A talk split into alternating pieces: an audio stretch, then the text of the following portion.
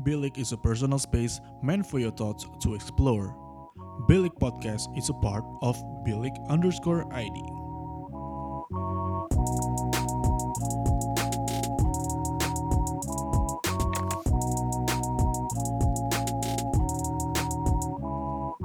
Bilik, your thoughts matter. Hello.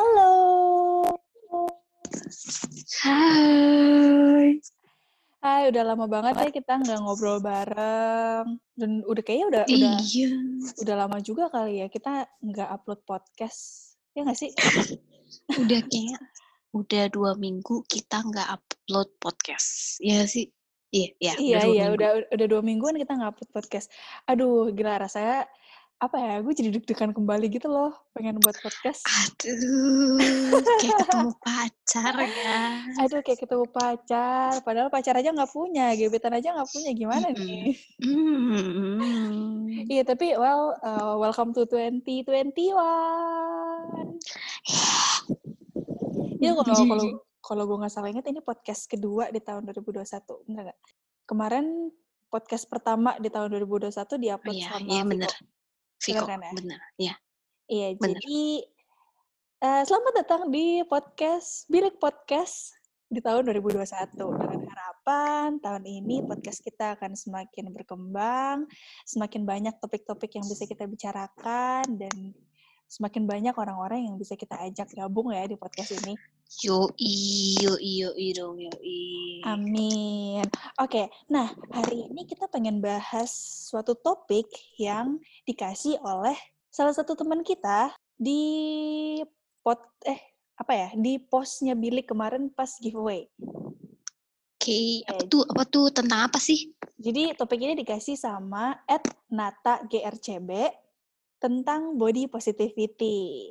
Hmm, Nah, kebetulan oke. kebetulan banget nih eh, apa ya body positivity ini menjadi topik yang lumayan seru ya dibicarakan untuk be- belakangan ini karena kayak sering banget gue ngeliat di TikTok atau di sosial media lainnya banyak banget yang ngebully fisik orang. Mungkin nih gini kalau misalnya ngebully fisik orang mungkin beberapa orang secara tidak sadar mereka membuli orang lain. Mereka tuh mungkin berpikir kalau misalnya mereka tuh cuma menyampaikan pendapat mereka ataupun menyampaikan pemikiran mereka. Tapi mereka tidak berpikir kalau hal itu mungkin menyinggung eh, sebagian orang.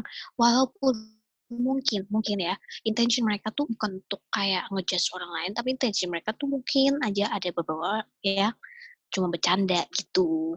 Setuju banget gue. Dan gak bisa dipungkiri juga kalau misalnya kayak sosial media itu berpengaruh banget nggak sih sama bagaimana seseorang memandang tubuhnya. Kayak yes betul banyak banget orang yang kayak berusaha mencapai suatu standar kecantikan tertentu dalam Kecantikan. bentuk fisik yang akhirnya membuat mereka jadi ya tidak apa ya maksud gue tidak merasa puas dengan tubuhnya sendiri karena Iya. mereka tuh lebih cenderung untuk membandingkan tubuhnya dengan tubuh orang lain gitu. bener Apalagi banget sekarang ini kayak di sosial media. Sosial media ini secara nggak langsung itu membentuk suatu citra, suatu image tentang tolak ukur wanita, apalagi khususnya wanita ya, tolak ukur Hmm. tubuh ideal yang seharusnya kayak gimana sih sebenarnya tubuh ideal gitu. Padahal kalau misalnya dipikir-pikir sebenarnya tuh nih proporsi tubuh orang itu beda-beda. Ada orang yang mungkin tinggi, ada mungkin orang yang pendek, ada proporsi yang mungkin badannya itu uh, berisi, ada juga or, tipe badan orang yang kurus gitu.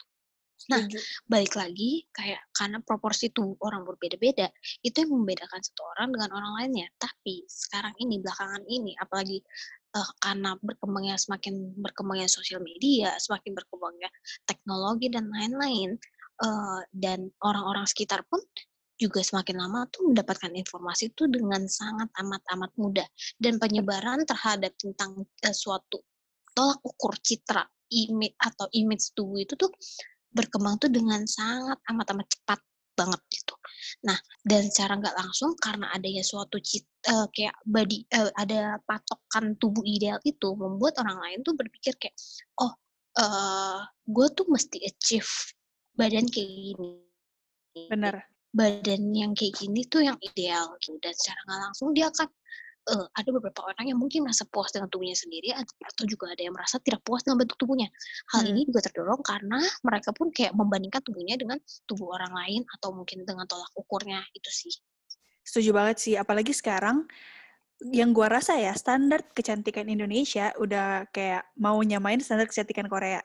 Yang di mana kita tahu standar kecantikan Korea itu eh, sangat-sangat ekstrim ya kalau bisa dibilang.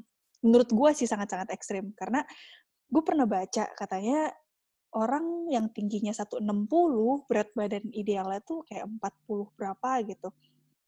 Which is sebenarnya underweight gak sih? Gak tau sih, karena mungkin gini ya, perbedaan negara juga gak sih? Kayak misalnya, kayak di kita.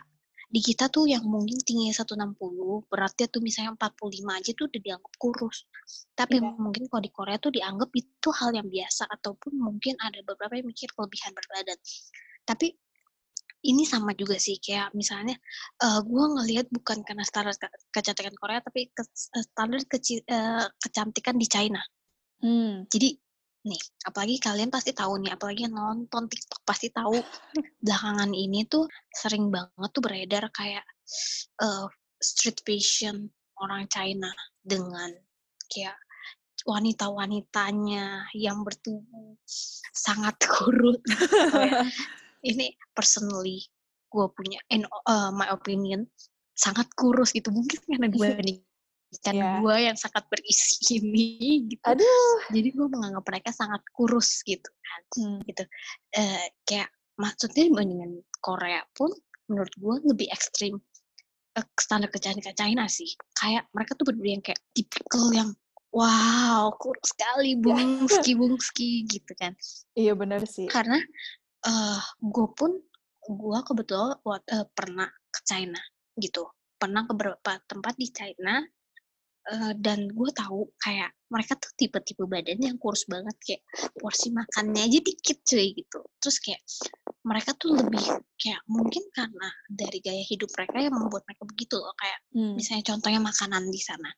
Contohnya ya makanan di sana sama di Indo tuh beda banget coy. Makanan di Indo tuh micinnya tuh mantap. Bener, bener. Micin mantap dan asin gitu. Hmm. Menurut gua gitu asin. Karena personally gue juga anaknya tuh doyan makan asin banget gitu. Hmm. Eh, jadi gue kuat asin lah istilahnya.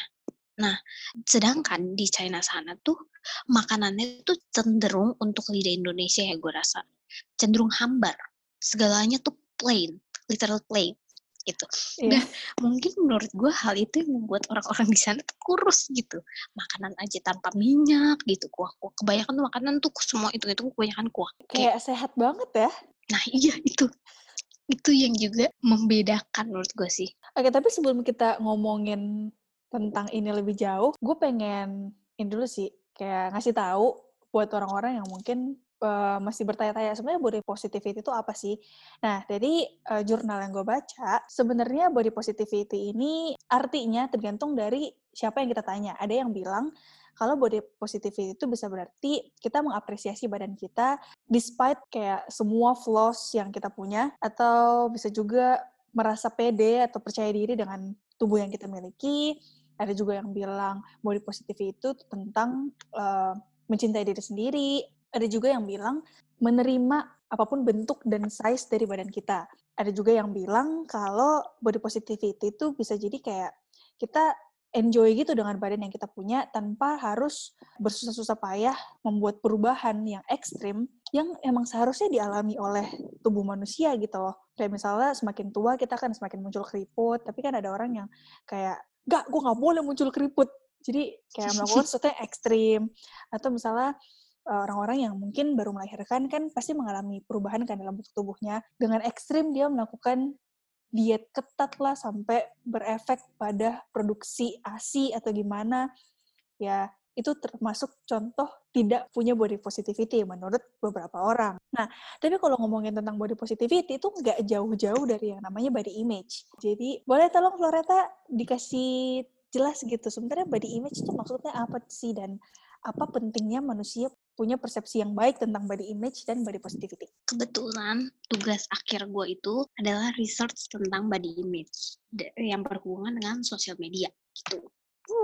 Nah, jadi tuh berdasarkan yang jurnal-jurnal yang dan gue yang udah rangkum-rangkum sama ini, itu body image itu tuh pandangan seseorang terhadap tubuhnya maupun tubuh orang lain, yang itu tuh kayak um, merupakan penilaian dan persepsi da, uh, yang terbentuk dari pemikiran dia sendiri ataupun pemikiran yang terbentuk dari uh, lingkungan gitu, yang hmm. sebenarnya kayak uh, gimana ya suatu body image itu tuh uh, pandangan kita terhadap tubuh kita dan tubuh orang lain dan pemikiran itu pandangan kita itu terbentuk dari pemikiran kita sendiri hmm. dan juga pemikiran orang lain gitu jadi benar-benar timbal balik antara pandangan kita dan juga pandangan orang lain yang membentuk bagaimana kita bisa ngelihat tubuh kita loh gitu oke okay, berarti dan kita, bentar berarti body, uh, body image itu kayak persepsi kita tentang persepsi kita terhadap body secara kayak keseluruhan gitu overall. Jadi kayak dari kita kita gabungin sama orang lain punya terus jadinya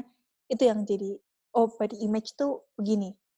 Iya bukan? Nah, body image itu tuh lebih personal. Kayak body image itu misalnya nih, uh, body image seseorang itu ada dua macam. Either itu positif or negatif. Okay. Ketika seseorang memiliki body image yang positif, dia akan melihat tubuh dia secara eh, positif dengan cara kayak dia puas dengan bentuk tubuhnya sendiri. Dia tidak kayak blaming kayak aduh kok tubuh gue begini segala macam. Dia lebih menerima keadaan dan dia menerima uh, ya tubuhnya gitu. Tapi untuk seseorang yang memiliki body image yang negatif, mereka tuh akan berpikir negatif terhadap bentuk tubuhnya, merasa tidak puas dengan bentuk tubuhnya, dan berusaha untuk melakukan perubahan yang sebenarnya tuh melakukan perubahan bukan untuk diri sendiri, tapi karena adanya patokan tertentu yang ingin dia ikuti. Kayak gitu sih. Itu oh. yang membedakan. Jadi tuh body image tuh gini, uh, kan, salah satu alasan kenapa gue ngangkat body image di research gue adalah uh, karena menurut gue banyak persepsi yang salah terhadap what is body image. Hmm. Gitu. Okay. Orang-orang mikir body image itu adalah suatu tolak ukur. Oke. Okay. Kayak body image itu tolak ukur tubuh seseorang. Tapi salah, body image itu adalah suatu persepsi yang terbentuk karena diri sendiri dan lingkungan. Persepsi kita terhadap tubuh kita sendiri itu. Itu adalah body image. Oke. Okay. Gitu. Berarti kalau misalnya kita ngelihat orang lain itu bukan body image. Apa Bukan, sih? body image itu kayak kayak istilahnya kalau misalnya untuk diri sendiri ya misalnya kayak semacam self eh, self esteem self efficacy self esteem oh. self efficacy itu adalah kan kita ngelihat diri kita sendiri kan. Hmm. kayak gimana kita memandang diri kita mampu atau enggak untuk melakukan suatu hal. Self efficacy kan semacam gitu. Uh. sama halnya kayak body image. Body image itu adalah bagaimana kita memandang tubuh kita sendiri. Apa yang apa persepsi kita terhadap tubuh kita sendiri. Itu adalah body image gitu. That's why yeah. body image ini akan menghasilkan dua hal, yaitu body image yang positif atau body image yang ter negatif gitu. Nah, hal ini tuh terbentuk karena adanya gambaran masyarakat terhadap tubuh ideal dikarenakan terkadang tuh perasaan tidak puas terhadap bentuk tubuhnya ataupun karena ada tolak ukur lah semacam kayak gitu.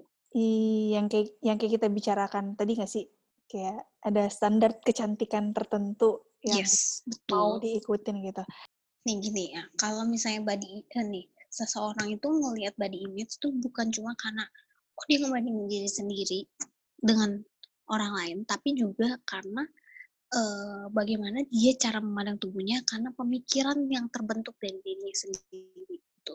Kadang tuh ada beberapa orang, misalnya contohnya orang-orang yang melakukan diet ketat karena merasa, aduh kayak badan gue gendut banget deh, sampai gue kayak nggak nggak uh, pantas begini lagi gitu gitu segala macam itu berarti dia punya body image yang negatif karena dia menganggap rendah dirinya sendiri itu contohnya nih coba gue bacain beberapa hal yang pernah gue tulis di res research gue oke okay. karena gue sedikit lupa gue udah setahun hampir setahun jadi hal hal-hal yang dilihat untuk menentukan body image ini tuh pertama adalah uh, gimana kita melakukan evaluasi terhadap tubuhnya. Kayak kita merasa tubuh kita itu menarik atau nggak menarik. Itu.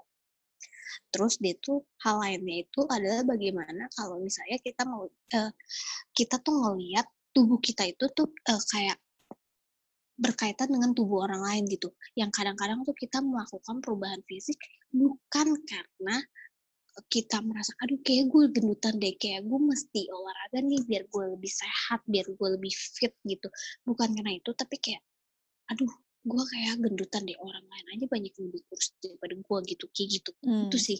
Kalau misalnya orang mikir oh gue mesti diet gue mesti ngurusin badan gue atau mungkin mereka mikir oh gue mesti gendutin badan gue lagi gitu karena untuk kesehatan mereka gitu sendiri itu no problem gitu loh. Maksudnya itu beda konteks tapi ketika dia melakukan perubahan karena merasa nggak puas dengan tubuhnya karena dia ngelihat orang lain itu sih baru yang bisa dibilang kayak sebenarnya tuh dia eh, body image itu negatif gitu.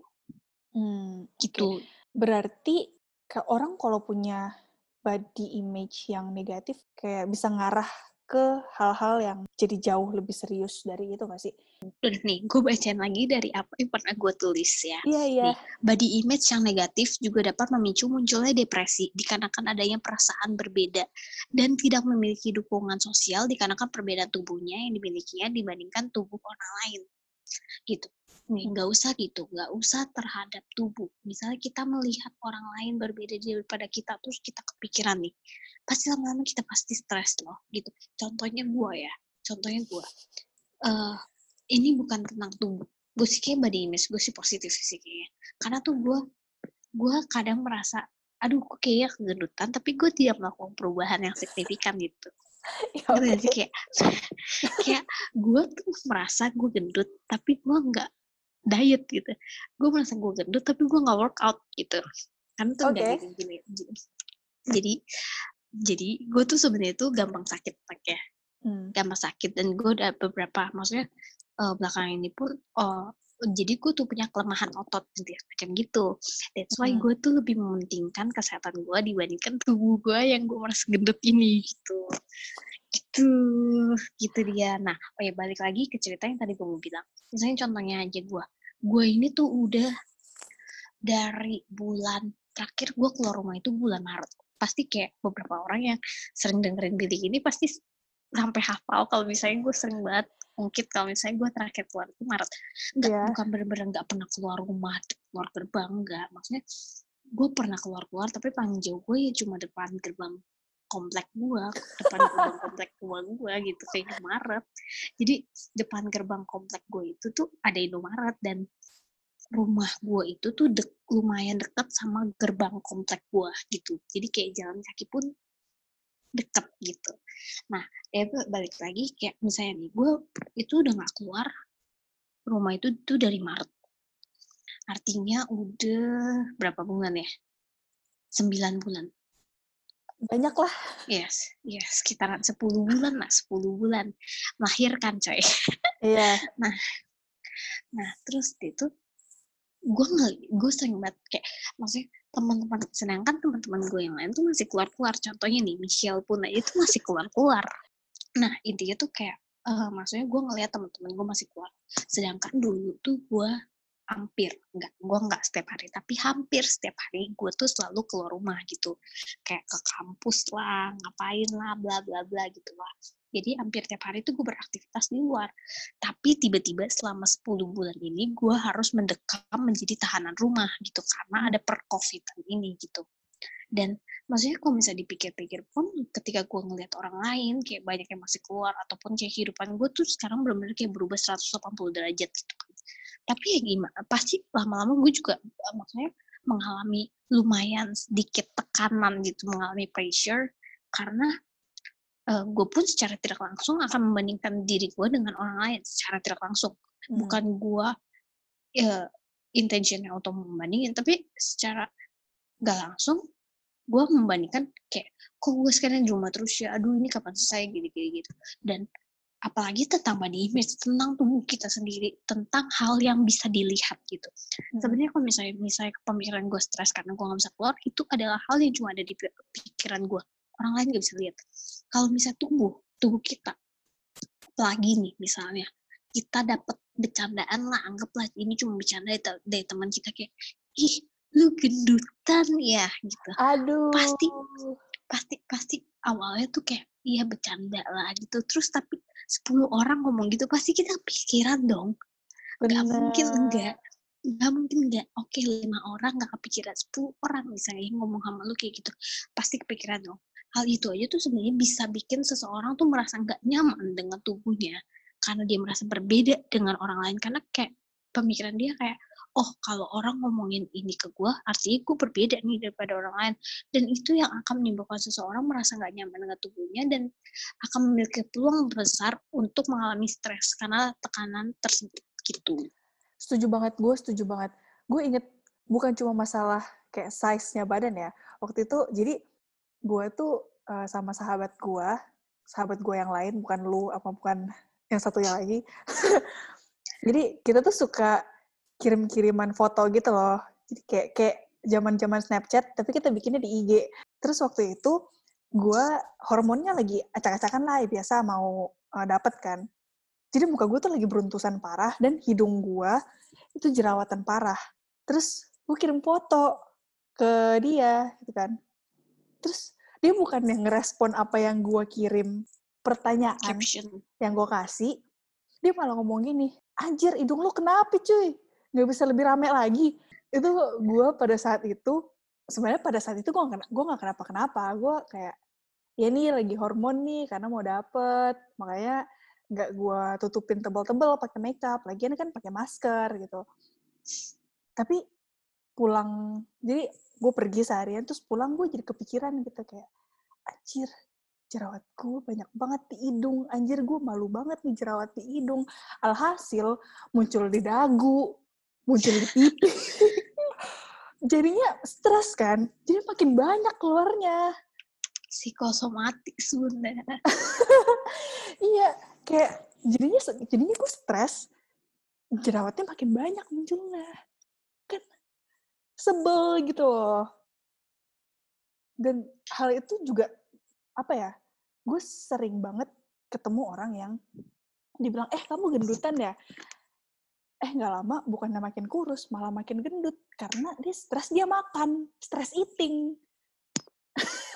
Itu itu yang Mici ngomong salah satunya gue jadi uh, gini setiap orang itu memiliki coping yang berbeda-beda. Coping itu adalah suatu cara di mana dia menghadapi masalahnya gimana dia untuk berusaha untuk escape dari masalahnya itu. Gue adalah salah satu jenis orang yang ketika stres gue makan. Hmm. makin stres gue makin makan bro. Gue berisi. Ya, kita sama dan gue sering gue sering banget mendapatkan uh, omongan dari teman-teman gue walaupun intensinya bercanda ya. Jadi kayak gue punya banyak teman-teman cowok hmm. gitu. Maksudnya gue banyak berteman dengan teman-teman cowok gue yang mulutnya tuh uh, ya bercanda ya namanya bercanda ya bercanda gitu, gitu. Ya, mulutnya ya. aja enteng mulut gitu kan gak diayak gitu kan mulutnya nah uh, mereka tuh suka ih so tuh gendutan ya gitu kan apalagi tuh gue tuh tipe-tipe yang kalau gendutan tuh gue jatuh di pipi jatuh hmm. di tangan itu tuh lemak semua berkumpul di sana gitu yes. Beuh, kelihatan banget lah pipi gue bener-bener maksudnya gue mau sekurus apa pun pipi gue tuh tetap cabi gitu uh -huh. jadi kayak ketika gue makin mengundut pipi gue semakin signifikan terlihat gitu kan.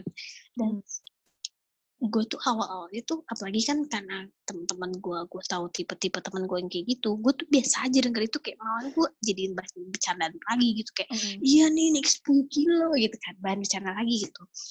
Uh, tapi lama-lama ketika lima orang enam orang ngomong hal yang sama gue jadi kepikiran kayak hajar gue gendut banget ya apakah gue mendekati obesitas gitu kan? Gitu enggak walaupun itu cuma pikiran sembi, uh, sekelibatan doang gitu tapi pasti kepikiran terus gara-gara aduh udah deh gue mau diet gitu kan. Gue mikir oke okay, gue masih kurus gue diet. Tapi hari ini gue makan dulu sepuasnya. Berla sering terjadi. berlanjut sampai seminggu berikutnya kayak ya udahlah hari ini terakhir hari ini terakhir gitu. Terus besokannya lagi hari ini terakhir hari ini terakhir. Itu tuh bukannya kayak gue mengurangi porsinya karena gue bikin excuse terhadap diri gue sendiri. Gue makan makin banyak gitu.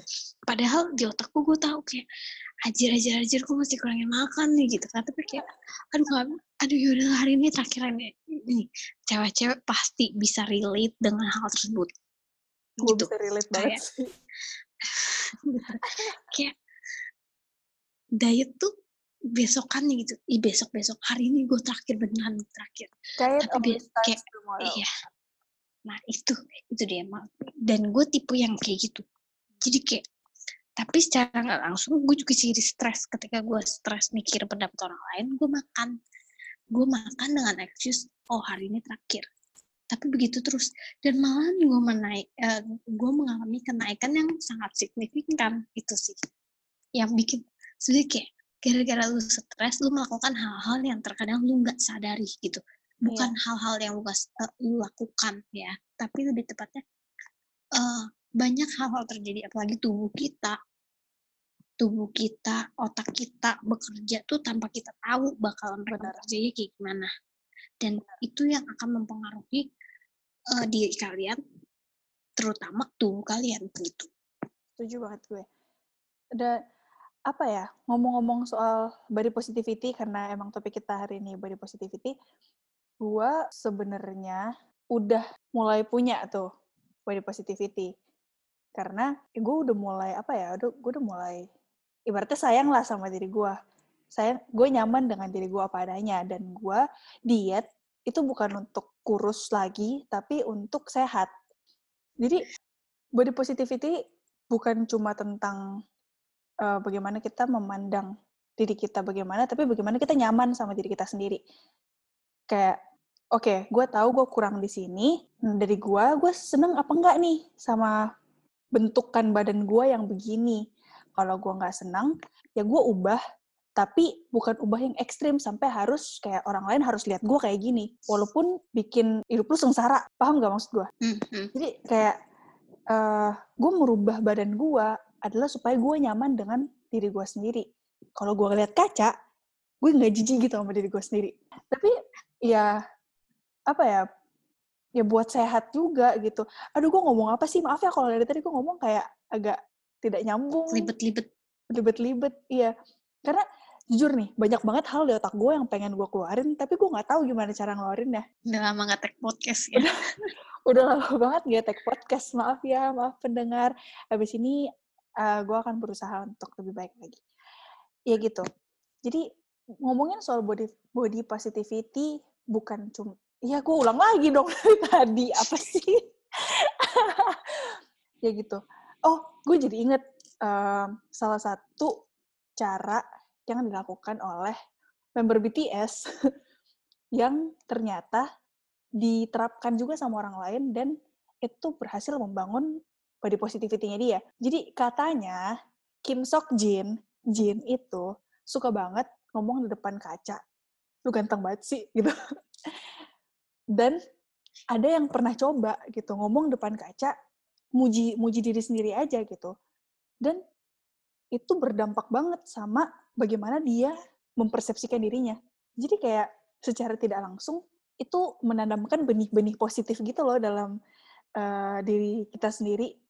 Sebenarnya itu pernah jadi project gue pas masih kuliah. Jadi kita punya project yang namanya uh, kesehatan mental di kelas gua sih di, disuruh bikin project kayak bagaimana caranya kita bisa uh, punya kesehatan mental yang bagus. Terus gue bikin project uh, tempelin kata-kata penyemangat, kata-kata positif di kaca atau di tempat-tempat yang um, gue bisa lihat gitu. Gue ke mana pun gue bisa lihat. Jadi gue tempel di depan kasur gue, gue tempel di kaca, gue tempel di belakang pintu. Dan surprisingly, itu berdampak pada kesehatan mental gue. Tunggu, nadanya salah. Itu berdampak pada kesehatan mental gue kesehatan mental gue ya jadi gue jadi lebih positif gitu dalam menjalani hari sama halnya dengan body positivity jadi kalau misalnya kita kasih hal-hal positif tentang diri kita ke diri kita itu akan berdampak juga pada psikologi kita psikologis kita.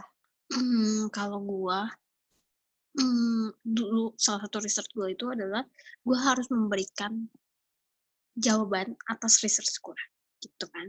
Kayak jadi tuh intinya tuh waktu itu dulu tugas akhir gue itu researchnya itu adalah tentang uh, pengaruh body image. Gue lupa sih gue sampai lupa gue punya skripsi apa. Intinya pengaruh body image yang disebabkan itu karena uh, eh, self esteem self efficacy dan juga karena uh, sosial media gitu sosial media especially Instagram gitu maksudnya Instagram adalah salah satu sosial media sekarang ini kayak mostly orang menggunakan sosial media itu ya Instagram on daily basis ya gitu ya, daily basis. Apalagi tuh Instagram itu adalah salah satu sosial media yang menggunakan gambar, menggunakan Hmm. gambar untuk berkomunikasi dengan orang lain, menggunakan gambar ataupun video. Jadi kayak salah satu main poinnya itu adalah gambar dan video. Dan sekarang ini karena perkembangan sosial media, perkembangan informasi semakin lama semakin cepat berkembang, orang-orang tuh melakukan mendapatkan informasi pun cepat, apalagi lewat Instagram. Kayak, aduh, misalnya contohnya ya di explore gue tuh, gue ngeliat, aduh gila cewek-cewek kurus-kurus banget cuy, gila gue udah kayak buntalan babi gak sih, kayak parah men gitu. Nah, jadi tuh waktu itu itu muncul gara-gara selama gue nge-research skripsi gue. Sekarang sih isi gue, kalau kalian tahu Kim Son Ho, isi gue Kim Son Ho semua. nah, ya, balik lagi ke topiknya. Eh, jadi maksudnya itu tuh ngelihat hal yang kayak eh, gampang banget untuk seseorang tuh ngelihat patokan ter, eh, tubuh orang lain ataupun kayak gambaran itu, gambaran eh, tubuh yang ideal seharusnya itu. Apalagi kayak misalnya kayak gua ataupun Michelle yang suka Korea, kita tuh ngelihat suka ngelihat idol-idol, either Iya. idol cewek ataupun idol cowok yang kayak nauzubillah, kenapa kalian Benar. bentukan seperti itu gitu kan, sedangkan aku hanyalah remah-remah kentang kayak mashed potato semua. Nah, terus yang gua sadar, that's why gue bisa bilang kalau misalnya body image gue positif adalah karena gue punya pemikiran ini dari dulu dari kecil. Kita setiap manusia, even lu kembar sekalipun akan berbeda. Ini contoh konkret yang mudah banget. Seor, dua orang anak kembar mempunyai fingerprint yang berbeda. Yes. Fingerprint mereka tidak akan pernah sama. Sama halnya dengan tubuh kita. Tubuh kita. Eh, kita nggak bisa membandingkan tubuh kita dengan tubuh orang lain. Kenapa? Karena bentuk tubuh kita itu tuh beda loh. Kita nih, kita oke, mungkin dari luar terlihat sama, tapi kita nggak tahu mungkin lu ususnya ada yang melingkar ke dalam atau ususnya ada yang naik ke kita nggak tahu. Bagaimana? Bagaimana usus melingkar ke dalam, Beb? Lu kalau Iya. cari perumpamaan, tolonglah. Ya guys, jadi tuh gue dari dulu kalau kalau cari perumpamaan tuh gue langsung jelek. Kayak gue tuh suka kasih perumpamaan yang sangat ekstrim. Dan perumpamaannya itu tidak masuk akal. Iya, iya, iya. Eh, nah, nah makanya gue kasih yang nggak masuk akal sekalian. Oh, iya, Jadi oke. contohnya aja adalah kayak, hmm, nih, balik lagi, kita mesti sadar kalau misalnya tubuh kita dengan tubuh orang lain itu berbeda. Mungkin ada yang tulangnya itu dia tipe, nih ini walaupun secara, maksudnya secara penelitian ya dari gue lihat penelitian pun, maksudnya ya postur tubuh orang sama gitu, pasti tulangnya begini. Tapi mungkin ada yang kayak diameter tulangnya cuma 13 cm atau atau mungkin ada yang diameter tulangnya 16 cm. No one knows.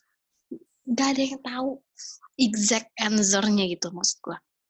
Dan itu yang men- ya ya maaf ya saudara-saudara sekalian mendengarkan mungkin ini karena kita tag podcast itu tuh jam setengah 12 jadi gue makin meracau omongannya Di Jadi- setengah 12, di gua setengah satu. Iya. Nah, gue di Jakarta setengah 12. Nah, jadi omongan gue udah mulai meracau.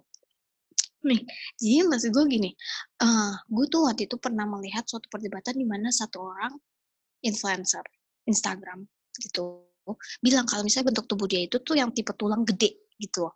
Hmm. Terus ada beberapa orang yang hate dia bilang kayak apaan sih tubuh orang kan semua sama tulangnya gini gini gini. Tapi gue sih percaya kalau misalnya tubuh orang tuh berbeda-beda. Karena contohnya aja gue punya seor beberapa teman yang posturnya tuh emang kayak kurus banget tulangnya. Sedangkan ya gue tuh tampak berisi. Tapi kalau kalian pegang eh, kayak kalau dipegang orang tuh gue sangat tulangnya tuh kelihatan banget gitu. Bener-bener kayak gue tuh gendut tapi gue ada collarbone kayak collarbone gue nongol gitu dan gue makanya that's why gue percaya kalau misalnya bentuk tubuh orang tuh berbeda-beda mungkin kayak ada orang yang lingkar diameternya 13 cm tulangnya ada yang mungkin 16 cm gitu bener-bener kayak beda-beda guys. Jadi Michelle sekarang lagi mengukur gitu. nah, maksudnya jadi tuh beda-beda. Lu gak akan bisa menyamakan satu orang sama contohnya tinggi badan. Lu Hmm. tuh nggak pernah maksudnya ada beberapa orang satu hal lagi yang membedakan adalah gen. Hmm, Gen itu adalah suatu hal yang nggak akan pernah bisa diubah bener-bener kayak ya tetap aja akan ada di diri lu gitu si X, XY XY itu tuh gitu. gua nggak inget apa. Intinya tuh si XY XY itu di dulu pelajaran gua gua nggak inget apa itu. Ya. intinya eh, karena ada si XY XY itu yang membuat lu akan tetap eh, gen lu tetap ada gitu. Dan itu yang akan membedakan diri lu dengan orang lain. Mungkin ada yang gennya tinggi ada yang pendek. Tapi kayak karena lu tahu ada tipe orang yang tinggi ada tipe orang yang pendek artinya lu nggak bisa menyamakan badan orang lain dengan orang eh, yang kayak orang lain dengan diri lu sendiri. Contohnya orang yang tinggi tinggi dia 183 terus dia pengen tingginya 163 dia nggak mungkin potong tulangnya coy. Gimana caranya? Gitu kan. Maksudnya kayak that's why menurut gue adalah ketika eh, kalau orang seseorang ingin memiliki body image yang positif caranya adalah dengan menerima tubuhnya sendiri dulu. Dia harus menerima keadaan dirinya. Dia Yes. harus sadar kalau misalnya dirinya itu berbeda dengan orang lain. Kita ini tidak akan pernah sama. Orang yang kembar sekalipun akan berbeda gitu. Nggak akan pernah sama. Nggak akan kayak punya kesamaan yang identik benar segala hal sama. Nggak akan. Itu yang mesti kita sadar. Dan itu yang harus menjadi acuan kita kalau misalnya kita tuh nggak bisa membandingkan diri kita dengan orang lain. Kayak gitu sih menurut gua. Bener sih. Jadi pada intinya adalah kita harus terima dan sayang sama diri kita dulu sendiri. Tentang apa pun tentang body positivity itu ya tentang bagaimana kita menerima diri kita sendiri. Kalaupun mau ada yang diubah, itu atas kemauan sendiri, bukan karena atas em, apa ya dorongan dorongan orang lain atau dapat insight dari orang lain gitu. Lu harus berubah ini, lu harus berubah itu. Ya, selama lu nyaman dengan diri lu sendiri, everything is fine. Tapi perlu diperhatikan juga tentang kesehatan. Jangan sampai lu terlalu nyaman sama diri lu, tapi ternyata kesehatan lu terganggu.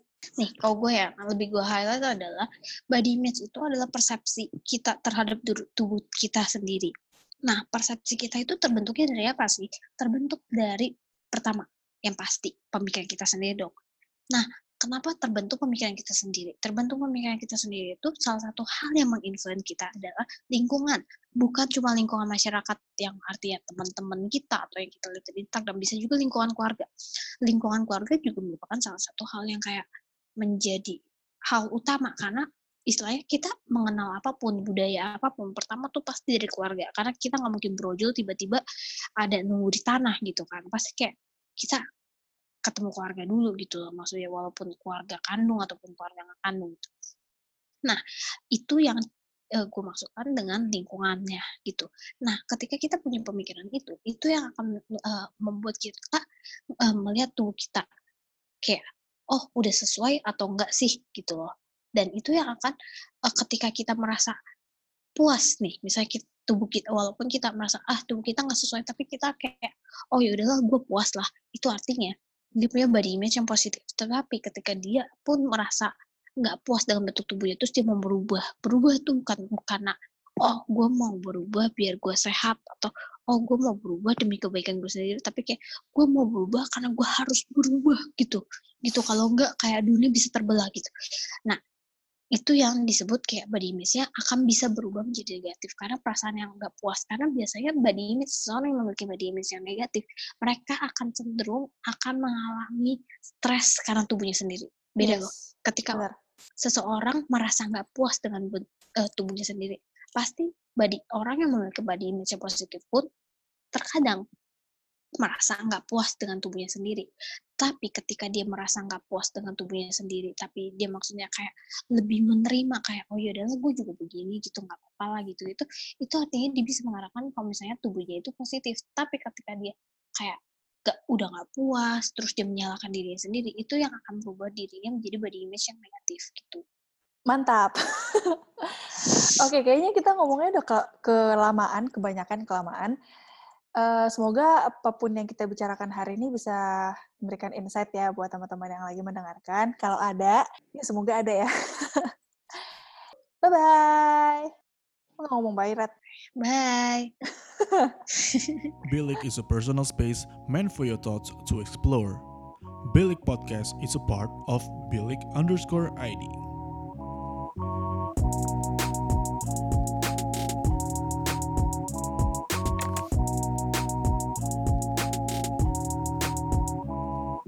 Bilik, your thoughts matter.